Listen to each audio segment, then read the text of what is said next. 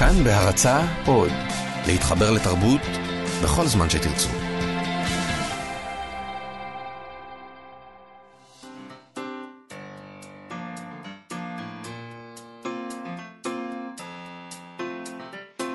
מה שכרוך עם יובל אביבי ומה יעשה לה. צהריים טובים, תודה שהצטרפתם אלינו. אנחנו מה שכרוך, מגזין הספרות היומי של כאן תרבות, וזאת התוכנית האחרונה שלנו לשבוע זה. אה, אתם אולי מקשיבים ומקשיבות לנו ברדיו, אבל אתם יכולים ומוזמנים להוריד את האפליקציה החדשה והחינמית של כאן. היכנסו לחנות האפליקציות, הורידו את כאן אודי, כאן עוד, ותוכלו להאזין לכל התכנים הכי טובים במקום אחד, באיכות טובה ובשידור חי. תוכלו למצוא שם את כל התוכניות כאן תרבות, את ההסכתים, מוזיקה, חדשות ועוד. איתנו באולפן היום דימה קרצנוב ואירה וקסלר, שלום לכם, וכמובן יובל אביבי, ראי, שלום גם לך. שלום, יעשה לה? אה, נזכיר שאפשר לשלוח לנו מסרונים, טלפון 055-966-3992, 055-966-3992. אפשר גם לשלוח לנו הודעות בעמוד הפייסבוק שלנו, כמובן, מה שכרוך עם יובל אביבי ומאיה סלע. Uh, מחר, יום האישה הבינלאומי, אנחנו לא נהיה כאן מחר, אז נעסק בזה היום. Uh, נדבר עם uh, תמר משמר, דוקטור תמר משמר, שתרגמה את הספר חוצה את הקו של נלה לארסן. אירוע לכבוד הספר יתקיים מחר, בהקשר המגדרי שלו, זה ספר מורכב, תכף נדבר על זה. נדבר גם עם צליל אברהם.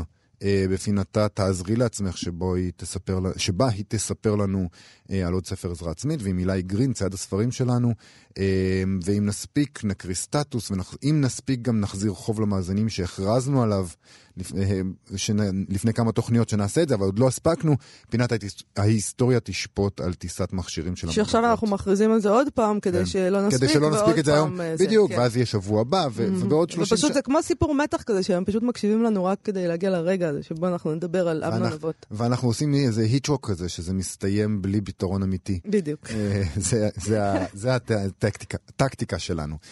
Uh, אבל לפני כל אלה, בימי רביעי, uh, זאת התוכנית האחרונה שלנו בשבוע הזה, אנחנו בדרך כלל מסיימים uh, את התוכנית עם כמה המלצות לסוף השבוע. אז היום נחרוג ממנהגנו, נתחיל את התוכנית עם המלצות על אירועים ספרותיים לרגל יום האישה. נכון. אז קודם כל, מחר יתקיים ערב לכבוד הספר, כפי שאמרת, חוצה את הקו של נלה לארסן. הספר הזה פורסם לראשונה באנגלית ב-1929. אה, ויוצא כעת, רק כעת, בהוצאת עם עובד ותרגום של דוקטור תמר משמר. 90 אה, שנה זה לקח. הערב הזה יתקיים בבניין גילמן באוניברסיטת תל אביב בשעה שש בערב. השתתפו בו, או תשתתפנה בו. מתרגמת הספר כמובן, תמר משמר, שעוד מעט נדבר איתה. אה, דוקטור עמליה זיו, שתדבר על הפרפורמטיביות של הזהות. דוקטור דנה אולמרט, שתדבר על בגידה, מגדר וגזע. דוקטור סמדר שיפמן, שתדבר על מינוריות כפולה. לעבור או לא לעבור מהפרספקטיבה הנשית. ופרופסור מוקי רון שידבר על קו הגזע, קו הכסף. זה נשמע אירוע מאוד מעניין. ממש מעניין. הרבה עניינים יש שם. נכון.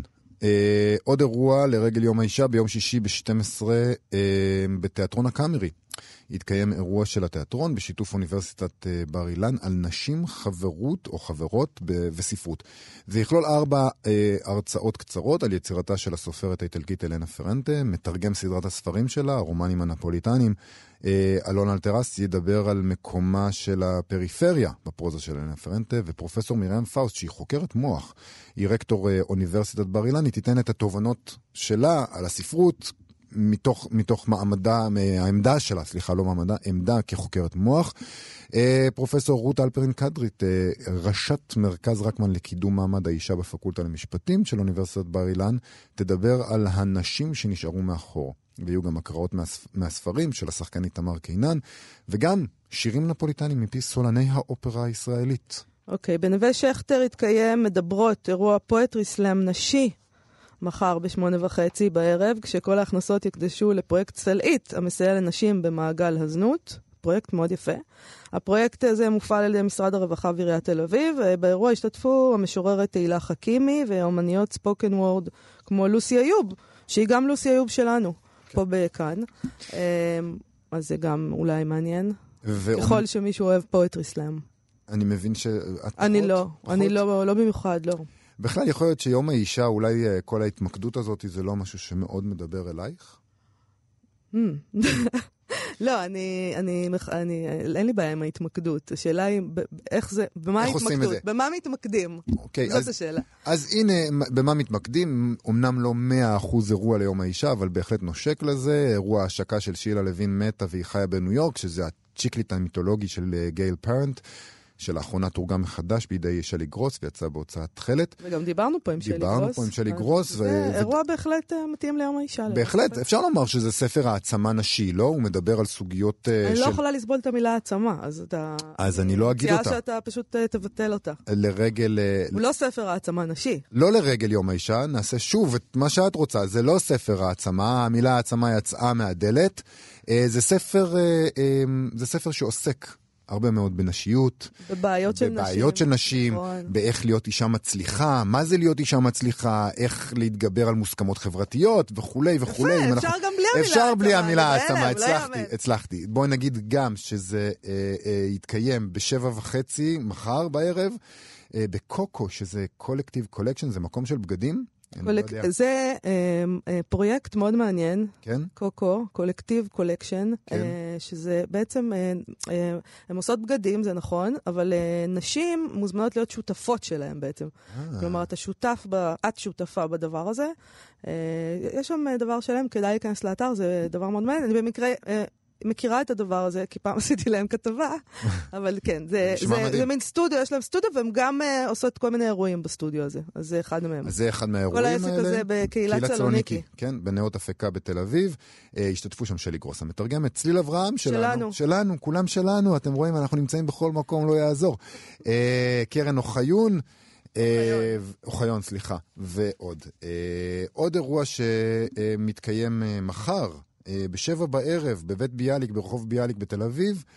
אה, ערב לציון יום האישה הבינלאומי, לרגל צאת מבחר שירתן של שש משוררות, לאה גולדברג, יונה וולך, זלדה, אגי משול, דליה רביקוביץ' ורחל, זה, זה איזה סוג של אה, סדרת ספרי אה, מבחר לשירתם של אה, גדולי המשוררים העבריים, אז יש שם הרבה נשים, אה, יופיע, יופיעו שם הרבה אנשים שיקראו גם מהשירה שלהם וגם מהשירים של המשוררות האלה, ארז ביטון למשל, סיון בסקין, חדווה הרחבי, אה, אמרתי את זה נכון? הרחבי. הרחבי, סליחה.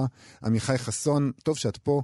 אה, אפרת מישורי, לי ממן, אה, מוזיקה, שלמה ידוב. אני בכלל פה רק בשביל לתמוך בך ובאופן שבו אתה מבטא. קוראת לזה- זאת הסיבה שאני פה. את קוראת לזה לתמוך, אני נושאת את ה... אני קורא לזה לתקן. כן.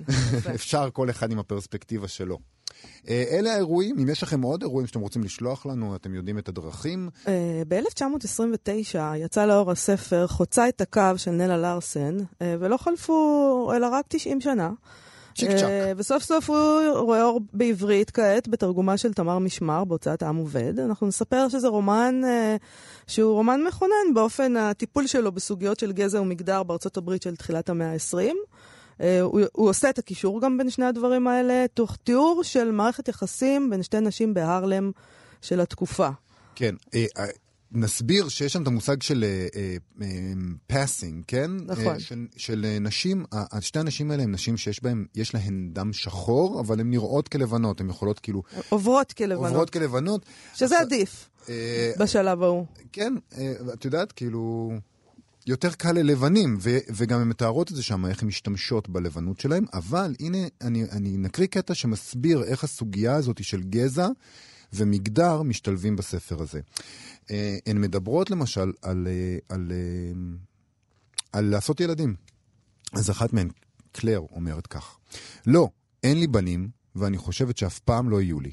אני פוחדת. כמעט מתתי מאימה בכל תשעת החודשים לפני שמרג'רי נולדה. חששתי שהיא תהיה כהה. תודה לאל היא יצאה בסדר, אבל לא אסתכן שוב. אף פעם. המתח גדול מדי, ממש גהנום. גררטוד מרטין הנהנה בהבנה מלאה, הפעם מרין לא אמרה דבר. את לא צריכה לספר לי, אמרה גררטוד בלהט, אני מכירה את זה טוב מאוד, אולי את לא מתארת לעצמך שגם אני פחדתי עד מוות. פרד אמר שאני טיפשה, וככה אמרה גם אימא שלו, אבל כמובן הם חשבו שזה רק רעיון שהכנסתי לי לראש, והם ייחסו את זה למצבי. הם, הם לא יודעים כמונו איך הדברים יכולים להתהפך.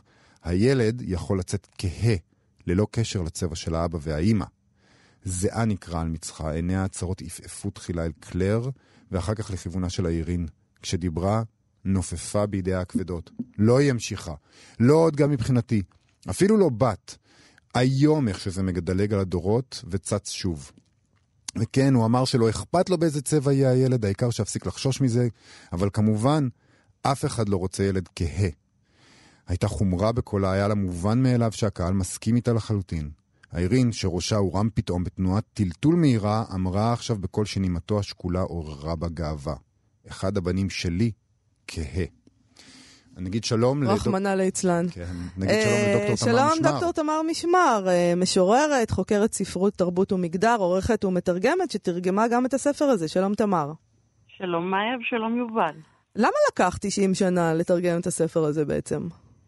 Uh, טוב, אני חושבת שהסיבות פה הן מורכבות משלל דברים. אחד, בארץ, בעצם התחילו לתרגם באנגלית די מאוחר. בשנים הראשונות, הרי בשנות ה-50, ב-30, 40, 50, 60, תרגמו קודם כל מרוסית ומגרמנית, כן? ואנגלית, כן. פחות אנשים מזה. Uh, עכשיו, יש גם uh, טענה מסוימת שנשמעת בדרך כלל בשוק, ה, אני יודעת איך לקרוא לזה, בתעשיית הספרות הישראלית, כן. שה, שספרות שחורה ובכלל לא עניינה הרבה מאוד שנים את הישראלים. כי סוגיות של גזע כמובן זה משהו שישראלים לא מתעסקים לא איתו. לא התעסקו בזה. זה לא מטריד כן, אותנו. כן, של, כן, לקח, אני חושבת שבאמת לקח שנים עד שהדיון נעשה, השיח נעשה יותר... יותר מורכב ורציני, בשנים האחרונות בעצם, ב-20 השנה האחרונות אולי. אה, וזהו, ועכשיו, אה, כן, הספר הזה... וזאת הייתה בחירה שלך בעצם לתרגם? זאת אומרת, את הבאת את כן. הספר הזה ואמרת, אני כן. רוצה לתרגם אותו? אז כן, כן, זה... למה? אז תספרי לנו קצת על היחסים שלך עם הספר הזה. כן, אז קודם כל, כן, אני כן אה, אסיים את הנקודה הזאת, ואני אומר שזו הייתה משימה בעצם להוציא את הספר הזה. לקח לי כמה וכמה שנים למצוא את ההוצאה ואת ההסכמה ואת הזה באמת אה, שיוציאו אותו לאור. אה, אז הייתה עבודה. רגע, היו הוצאות שח... שהצעת להם ואמרו, אנחנו לא רוצים להתעסק עם זה? אה, אפילו הוצאת המובד, היא עברה כמה שלבים עם זה. ומה, הנימוק היה מה, מסחרי? הנימוק, אה, הנימוק בדרך כלל של, אה, של הוצאות הוא כלכלי, כן. כן, אוקיי. אה, שוב, מתוך המחשבה הזאת, ששחורות לא מעניינת, ספרות שחורה לא כך מעניינת את הקהל הישראלי, לא עניינה, לא... אוקיי. עכשיו, אני, אני, לי, לי פשוט הייתה תקופה שאני פשוט למדתי את התקופה הזאת, ובמיוחד את זורה נילרסון ואת נלה לארסן ועוד, ולנסון יוז. אה, כמעט עשיתי דוקטורט על זורה. אה, על תקופת ההרלם רנסאנס את מדברת, שאולי תסבירי כן. גם, אה, תסבירי לנו מה זה הדבר הזה, הרלם רנסאנס. זאת בעצם תקופה של איזה 20 שנה, או 15 שנה, בערך מסוף מלחמת העולם הראשונה עד 1933, אה, שבעצם אה, התרכזה בהרלם קבוצת סופרים, אומנים, משוררים ציירים, והקימו אה, כתבי עת משלהם, והתחילו לפרסם ולדבר בעצם על השחור החדש.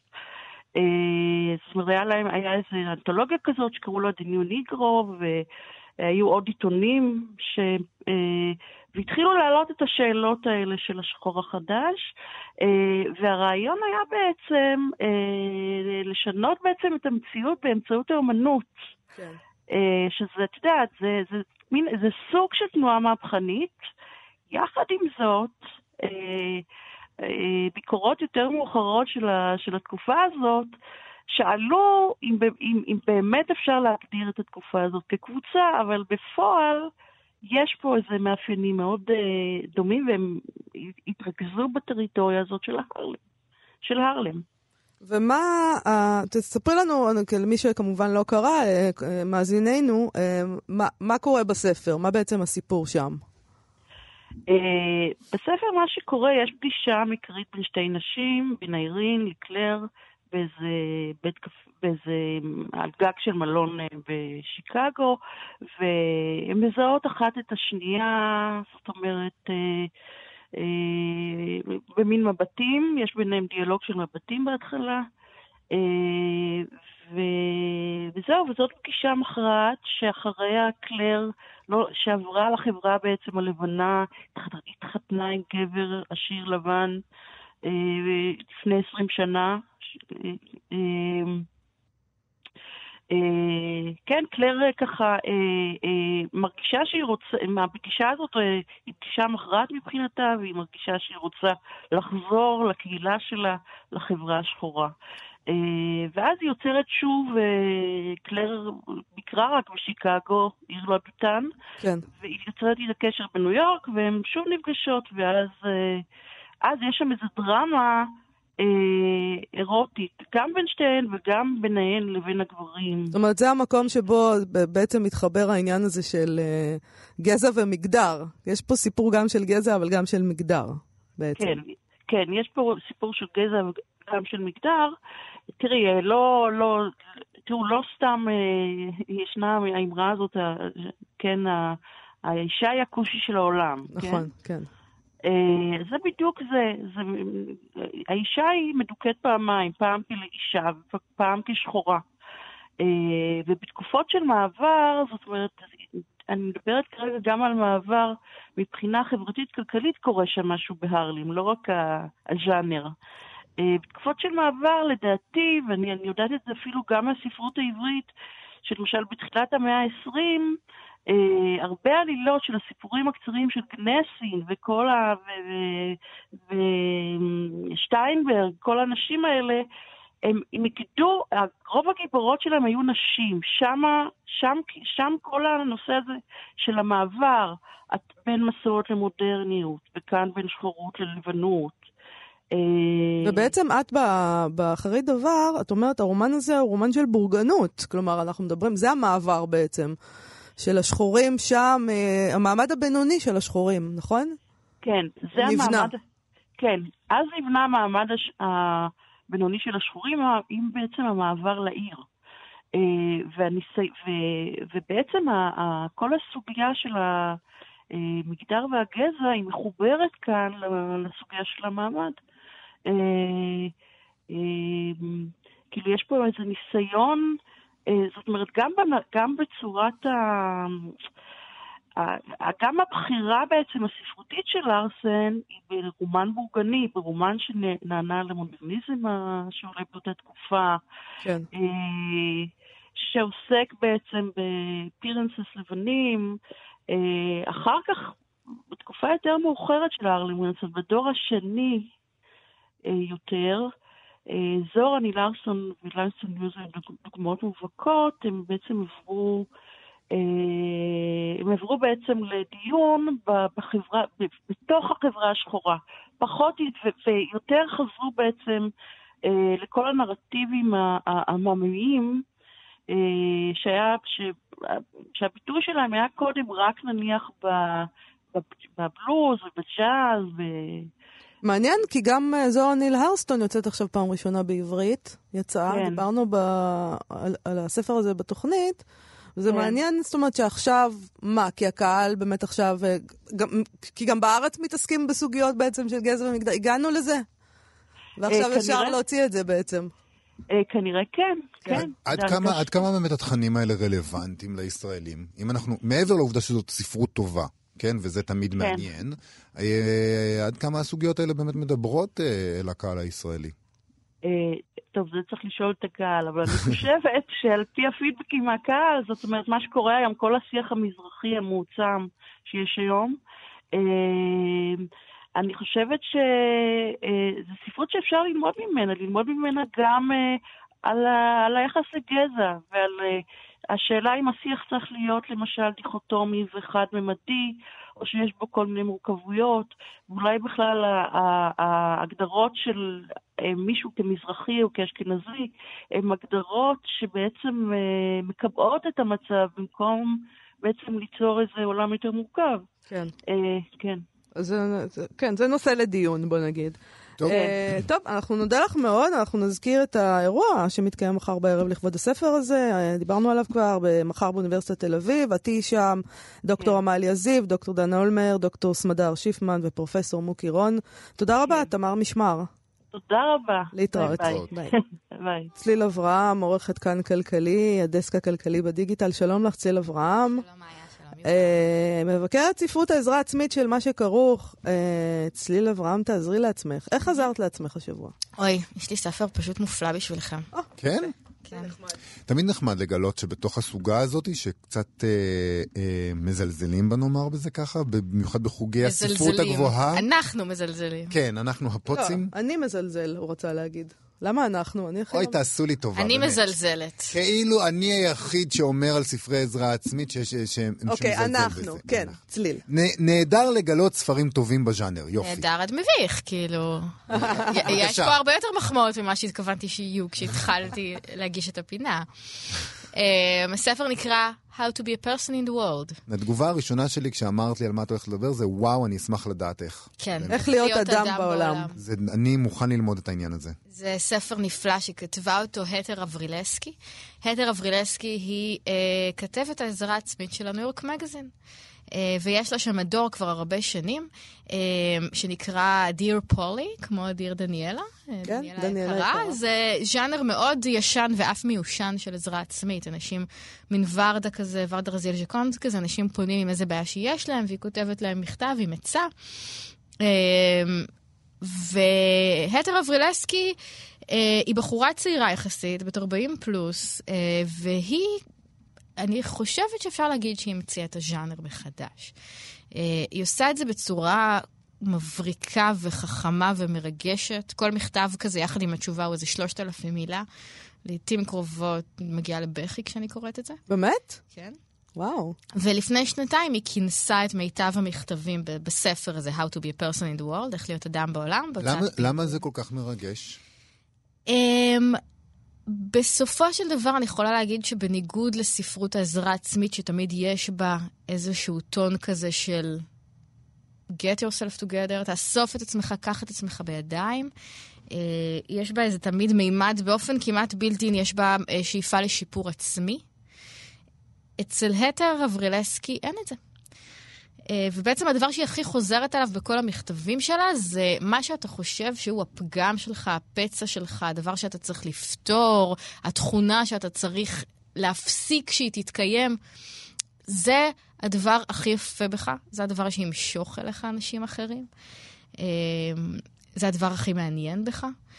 ולאהוב את הדבר הזה ולהחצין אותו, זה הפתרון. אני אתן לכם כמה דוגמאות, ניסיתי, למרות שאלה לא ממש עצות, אלא טיפים, או טיפים. רגע, הספר הזה לא תורגם לעברית. אה, לא, אני מאוד ממליצה. אני מקווה שהוא יתורגם. מתי הוא יצא? מתי הוא יצא, הוא יצא תזכיר? ב-2016, וכל שבוע מתפרסם טור חדש בניו יורק מגזין. אוקיי, אה, אנגלית לא, לא קשה למי שקורא, כאילו זה מומלץ. אוקיי. אה, דוגמאות. אז דוגמאות. אז למשל מישהי שכותבת לה אה, שאין לה הרבה חברים, כי לדעתה אנשים מקנאים בה. יש לה עבודה מאוד טובה, יש לה בן זוג נהדר, היא נראית טוב, היא מצליחנית, ועדיין היא בודדה. ויתר אברילסקי כותבת לה משהו שהוא בעיניי מבריק ומתאים להמון סיטואציות בחיים. היא אומרת, כשאתה נורא מתאמץ להרשים אנשים בכמה שאתה מוכשר וידען ומצליחן, המסר שהם מקבלים זה שאתה נורא מתאמץ להרשים. זה שהם רוצים, ש, ש, שאתה מצפה מהם להתפעלות, וזה נורא נורא מעייף. אמ, למשל למישהי שכתבה לה שהיא היא כזה רוצה להיות שחקנית, והיא מנסה לפתח את קריירת המשחק שלה, ובינתיים היא מתלבטת לגבי פרנסה.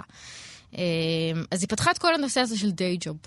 והיא אמרה, זה בסדר גמור שיש לך שאיפות יצירתיות ואתה רוצה להיות אומן ואתה רוצה שתהיה לך עבודה שתפרנס אותך בינתיים, שהעבודה הזאת היא לא הקריירה שלך, זה לצורך פרנסה, זה אחלה. הרעיון הזה שביום אתה תהיה איזה מוקדן בחברת ביטוח, או נניח איזשהו מעצב גרפי, בלי שאין לך שום תשוקה לעיצוב גרפי, רק איזו פרנסה טובה, או איזו פקידה שמעבירה מסמכים מצד לצד, זה לא יכול לעבוד. גם הדיי ג'וב שלך צריך לנבוע באיזושהי דרך ממשהו שאתה לפחות אוהב לעשות, או יודע לעשות, או מתחבר אליו, גם אם זו לא השאיפה שלך. והיא מספרת שהיא אה, הייתה במשך עשור, ניסתה להפוך להיות מוזיקאית. אה, וכשהיא חיפשה דיי ג'וב היא אמרה, אוקיי, תמיד הייתי טובה בכתיבה, היה לי קל במקצועות כאילו של הבעה ושל כתיבה, אז אני אנסה בינתיים לכתוב במגזינים, וככה בעצם היא הגיעה לעשות את מה שהיא עושה. אה, שזו הצעה נהדרת בעיניי. זאת אומרת שאם אתה, אתה לא יודע באיזה ג'וב לבחור כדי להתפרנס, תבחר במשהו שממילא אתה משהו שיש לך איזושהי זיקה אליו, לא משהו ש... אה, זה קצת יותר קל להגיד מאשר לעשות. הרבה פעמים אנשים נמצאים ב... בעמדה שהם לא יכולים לבחור. זה אחת הטענות העקביות שלנו מול הספרים האלה, שהם קצת מתעלמים מהיכולת, וזה הרבה פעמים קורה אצל האמריקאים. של הספרים למעמד הביניים. כן. כן. שזה כאילו... אה, וגם ה- היכולת הזאת אה, שלהם להגיד, אה, קחו אחריות. אה, זה גם בדוגמה הראשונה ש... כן. שאמרת. נכון. למעשה היא אומרת לה, את אשמה, את משדרת משהו שמרחיק אנשים. כן. את כל כך מוצלחת וכל כך חשוב לך לזה, את מרחיקה אנשים. נכון. קחי אחריות על מי שאת. אה, ויש עם זה הרבה פעמים בעיה, הרבה פעמים אה, אנשים לא יכולים לקחת ופשוט לשנות. אני חושבת שכל הרעיון של ספרות עזרה עצמית, וזאת אולי הסיבה שהיא מעוררת אצלנו כל כך הרבה התנגדות, זה שהיא בעצם מערערת על התפיסה שיש אה, להרבה אנשים שבאים מעולמות הרוח, שאדם הוא באיזשהו מובן סכום הנסיבות החברתיות והכלכליות שהופעלו עליו. רוח התקופה, המעמד הכלכלי שלו, המשפחה שהוא בא ממנה, המוצא שלו, וספרות העזרה העצמית מעצם קיומה אומרת, לא, יש גם גרעין של אנושיות, ואת הגרעין הזה אפשר לפתח ואפשר להשתמש בו כדי כן לקבל אחריות על הגורל שלך. זו גם תפיסה מאוד לא ביקורתית מבחינה חברתית. אני רוצה לספר על עוד מכתב שממש ממש טלטל אותי, אולי כן. הכי הכי מרגש עליי שקראתי. כתבה לה בחורה שיש לה בן זוג, שהיא אף פעם לא הייתה משוכנעת לגבי היחסים איתו, הייתה בהתלבטות, היא חשבה אולי להיפרד. אה, אבל היא כזה משכה את הזמן. ובזמן שהיא משכה את הזמן, הוא חלה בסרטן. אה, הם היו אז בני 28, אה, אמרו לה שיש לו שנתיים לחיות, היא בכל זאת חיה איתו כמה שנים, וכן היו לה רגשות אליו, והיא אמרה, אוקיי, אני אשאר איתו, אני אלווה את גסיסתו.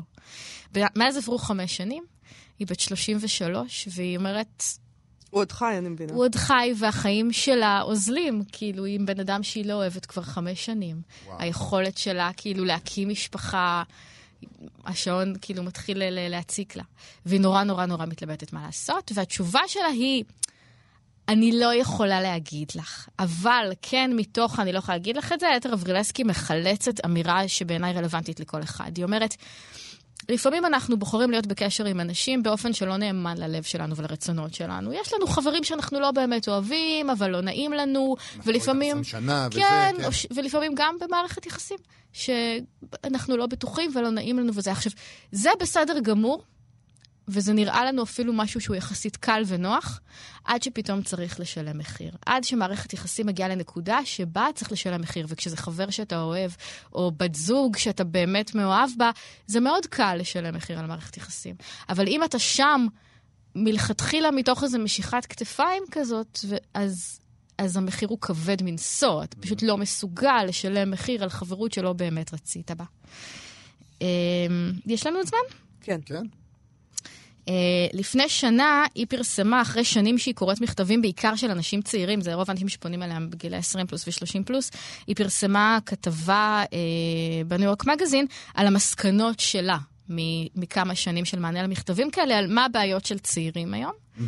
Uh, ואותי זה נורא נורא ריגש. היא כתבה ככה: לחרדות של צעירים היום יש צורה נפוצה מאוד. הם מרגישים שההמון צופה בהם ושופט אותם כל הזמן. הרבה פעמים הם מתארים אנשים אחרים במילים, הוא גרסה יותר טובה שלי. לא משנה כמה תנסה, מישהו אחר יעשה מהחיים שלך חיים יותר טובים, והחיים שלך הם גרסה לא ערוכה מספיק ולא משויפת מספיק. בניגוד למה שמקובל לחשוב, צעירים היום לא מרגישים שמגיע להם להיות מאושרים. להפך, הם מודעים לעצמם בכל רגע והם מרגישים אשמה שהם לא מאושרים בכל רגע ורגע.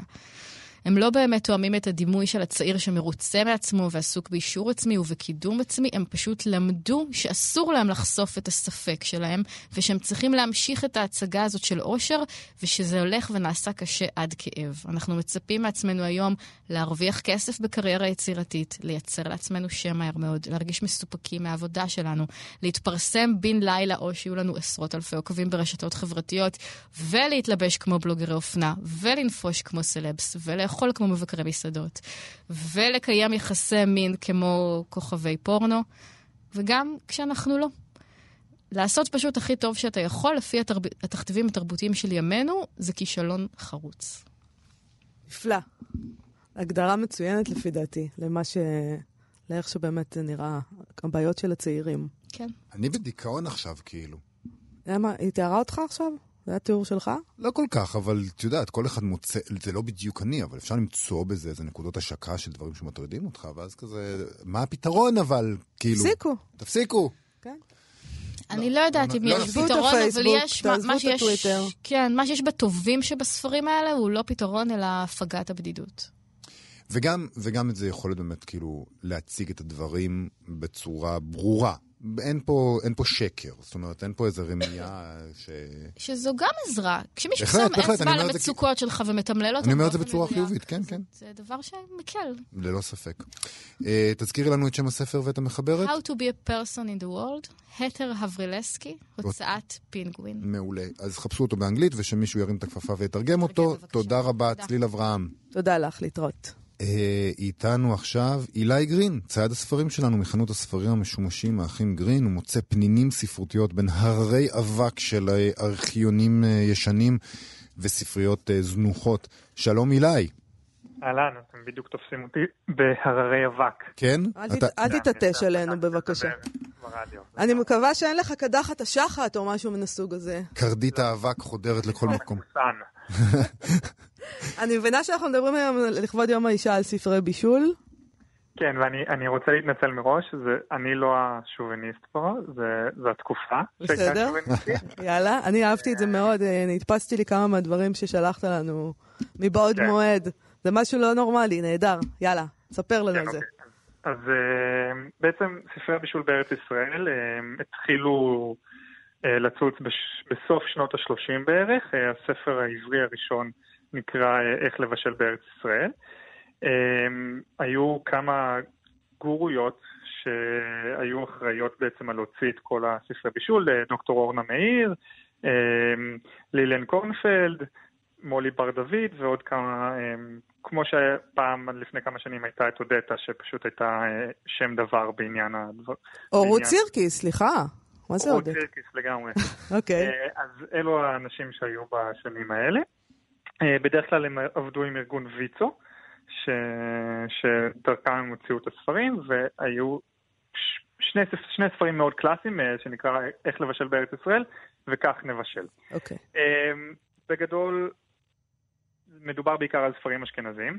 אמ, לא היו מאכלי עדות כמעט. אמ, והיה ניסיון להתאים בעצם את הבישול האירופאי לארץ ישראל. כן. דוקטור רונן מאיר ב- בהקדמה של הספר איך לבשל בארץ ישראל כתבה בעצם ש... אתם רוצים שנקרא את ההקדמה? בבקשה? אנא ממך, תקריא, כן. דקה.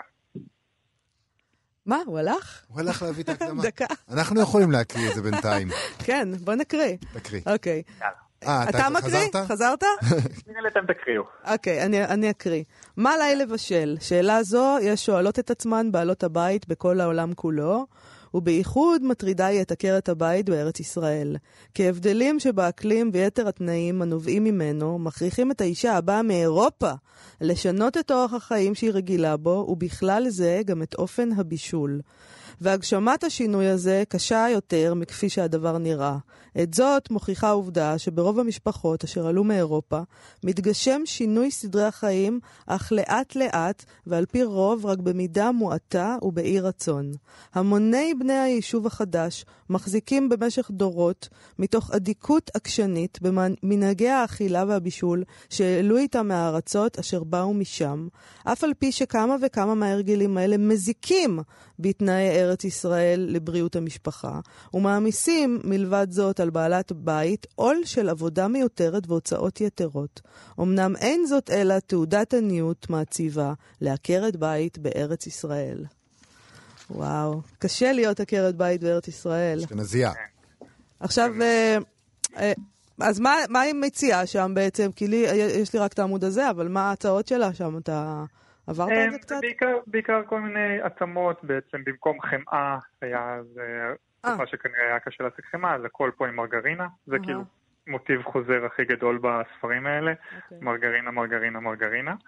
אה, התאמות של שמן מסוים, פירות וירקות שלא גדלו בארץ ישראל אז, ואני מניח שלא היה ייבוא, כל מיני דברים שעשו אתה אבל אמר, קל יותר. אמרת שאין פה מאכלי עדות, אבל אתה שלחת לנו גם ניסיונות של... אה, אמרת שזה מיועד לאשכנזים, אבל אה, רואים פה ניסיון להתאים את המטבח גם של אשכנזים ל, ל, לאקלים הקולינרי של המקום כן, שבו הם- אנחנו ש- נמצאים. שלחת לי פה נכון, מתכון ישראלית. לבורקס, שמסבירים לנו מה זה בורקס. בורקס הינו מאכל יהודי ספרדי, הדומה מאוד למאכל הטורקי הנקרא בורק.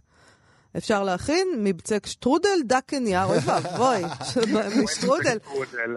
מבצק פריך או מבצק אטריות פשוט. ויש פה מתכון לפלאפל, והאהוב עליי באמת לעשות מיונז מטחינה.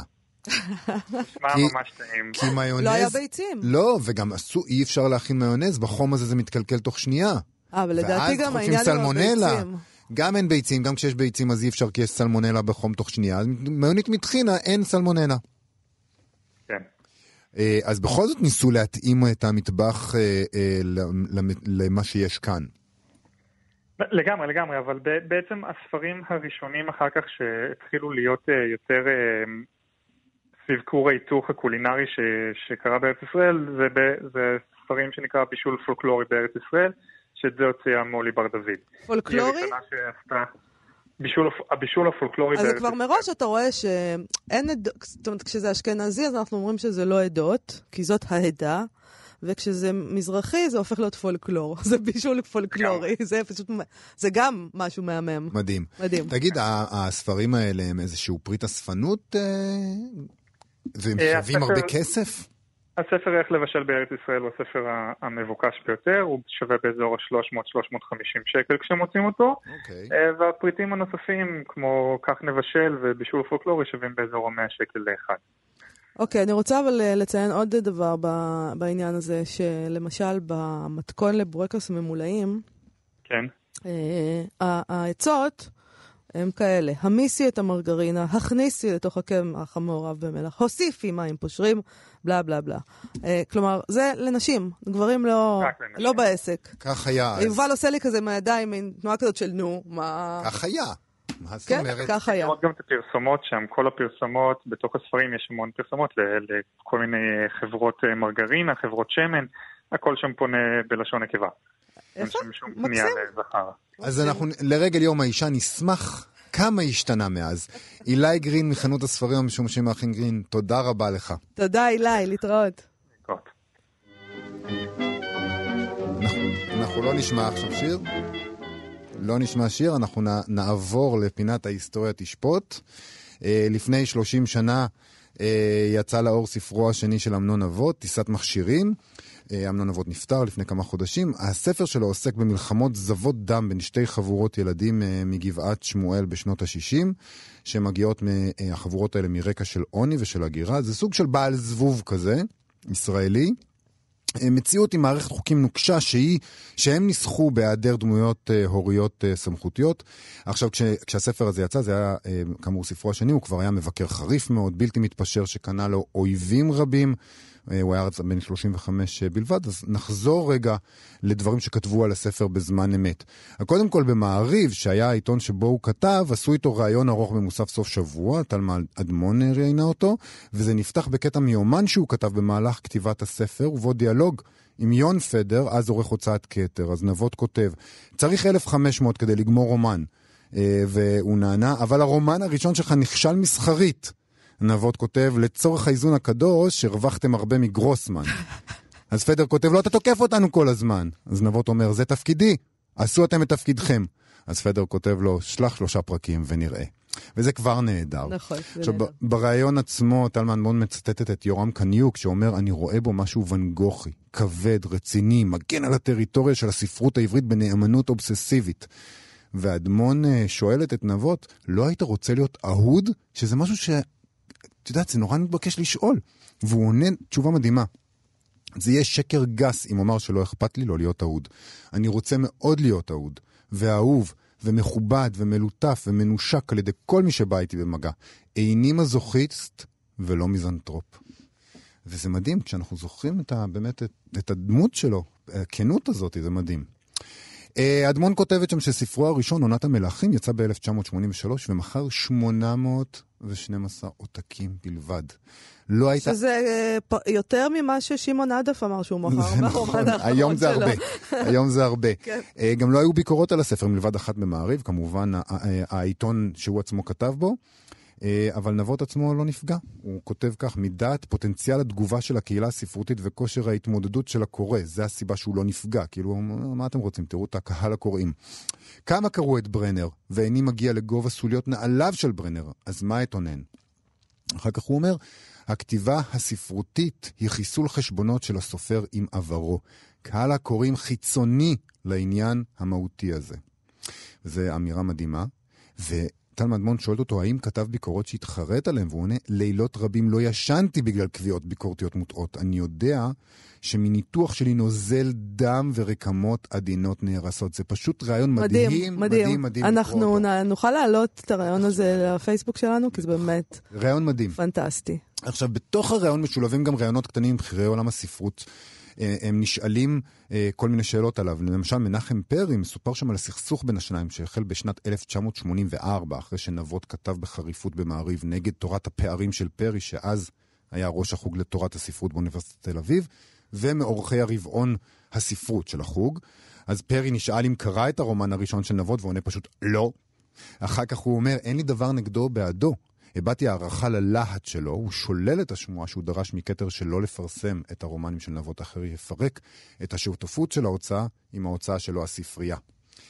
אה, אני מאוד אוהבת את הלהט של האנשים האלה שיש להם להט. אני חושבת שלהט זה דבר מאוד מאוד נדיר היום, וכנראה גם אז, אבל אז זה היה פחות נדיר ממה שזה היום, וזה לא מוערך. אנשים היום מעדיפים אה, נימוסים ואיפוק, אה, איזה דבר מדוד, אנשים מדודים כאלה שאומרים דברים לכאן ולכאן, שלא מסתכנים ולא מפריעים להם לישון בצהריים.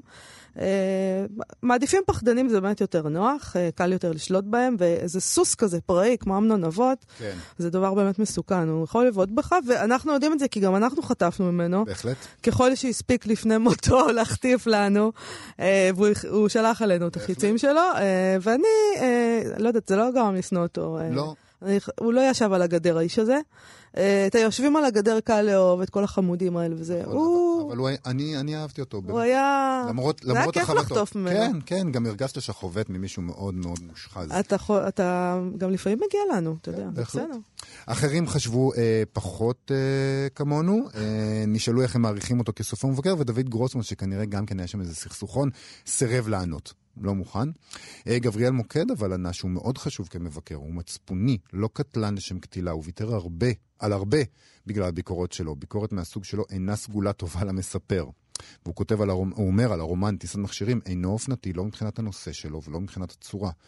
קניוק אמר שהוא אחד הכוחות המבטיחים בספרות הישראלית. לא הולך בתלם, ואם אתה לא הולך בתלם, אתה עלול להיעלם בארץ הקטנה שלנו. ואורציון ברטנה, פרופסור היום, אמ, אמר, הסיפורת והביקורת שלו משלימות זו זו. אם הוא יצא מעבר לסיפורי ממלכת היל- הילדים על גדות גאה, הוא יהיה אחד המספרים החשובים שלנו. גם בביקורת שלו וגם בסיפורת הוא מקדים את מה שנעשה בספרות הישראלית. אני מציעה שאנחנו נשים לב לעצה של אה, קניוק, שמתאימה לכל. אה, אם אתה לא הולך בתלם, אתה עלול להיעלם בארץ הקטנה שלנו. לגמרי. זה עדיין נכון. זה עדיין נכון. יש לנו זמן לקצת ביקורות להקריא? נקריא איזה ש- שני משפטים אה, אה, מכל ביקורת, או מביקורת אחת לפחות. אה, אור ציון ברטנה כתב על הספר ביקורת במעריב, הוא כתב לגדל חיה ישראלית שביכולתה להבטיח ולקיים הוא הצומת של עיסוקו הספרותי של אמנון אבות עד כה. לתאר את בעיית ההתחייבות המוסרית, הפסיכולוגית-קיומית, התחייבות הכרחית, מוצדקת ובלתי אפשרית בקנה המידה הסובייקטיבי שלו. כך הוא מבקר, כך הוא קורא את הספרות הישראלית וכך הוא יוצר. אה, הוא דרך אגב הסתייג מההשוואה לבעל זבוב, בגלל ש... כיוון שהוא אומר שהילדים של נבות רוצים להיות טובים ולא רוצים להיות מרושעים. דן דאור כתב בהארץ, מדובר ביצירת מופת מוזרה. יש בספר מזעם המחאה וממלמול התודעה, פרוזה מגובשת, תובעת יותר מעצמה ומהקורא, תחושה של פצע שלא הגליד. ויוחאי אופנהיימר אה, גם כן, הוא, הוא, הוא אומר שיש מתח מתמיד בין זרימה והתערות של קולות לבין אמצעים גרפיים שבעזרתם מבחין הסופר בין אותן נקודות מבט שונות. אה, מציג בפנינו לא רק עולם קרוע של מתחים בלתי מתיישבים, אלא מציע גם את האומנות כבור שטח הפקר המתיך ומלכד בצורה חד פעמית את השברים והקברים, הקרעים, סליחה, זו מעלתו הגדולה. בקיצור, די אהבו את הספר, אני חושב. אוקיי. אמ, אני חושב- אנחנו סיימנו להיום. כן, אין- אה, אין ספק, אנחנו נהיה נגמר פה הזמן. שוב ביום אה, ראשון, נכון. אה, בשעה 12. אנחנו נזכיר לכולם להוריד בחנויות האפליקציה את אפליקציית כאן עם כל התוכניות שלנו. אתם יכולים לחפש כאן אודי. אה, אפשר להאזין שם לכל התכנים של כאן תרבות, במקום אחד, באיכות טובה ובשידור חי. אה, תודה רבה לאירה וקסלר ודימה. קרצנוב. להתראות.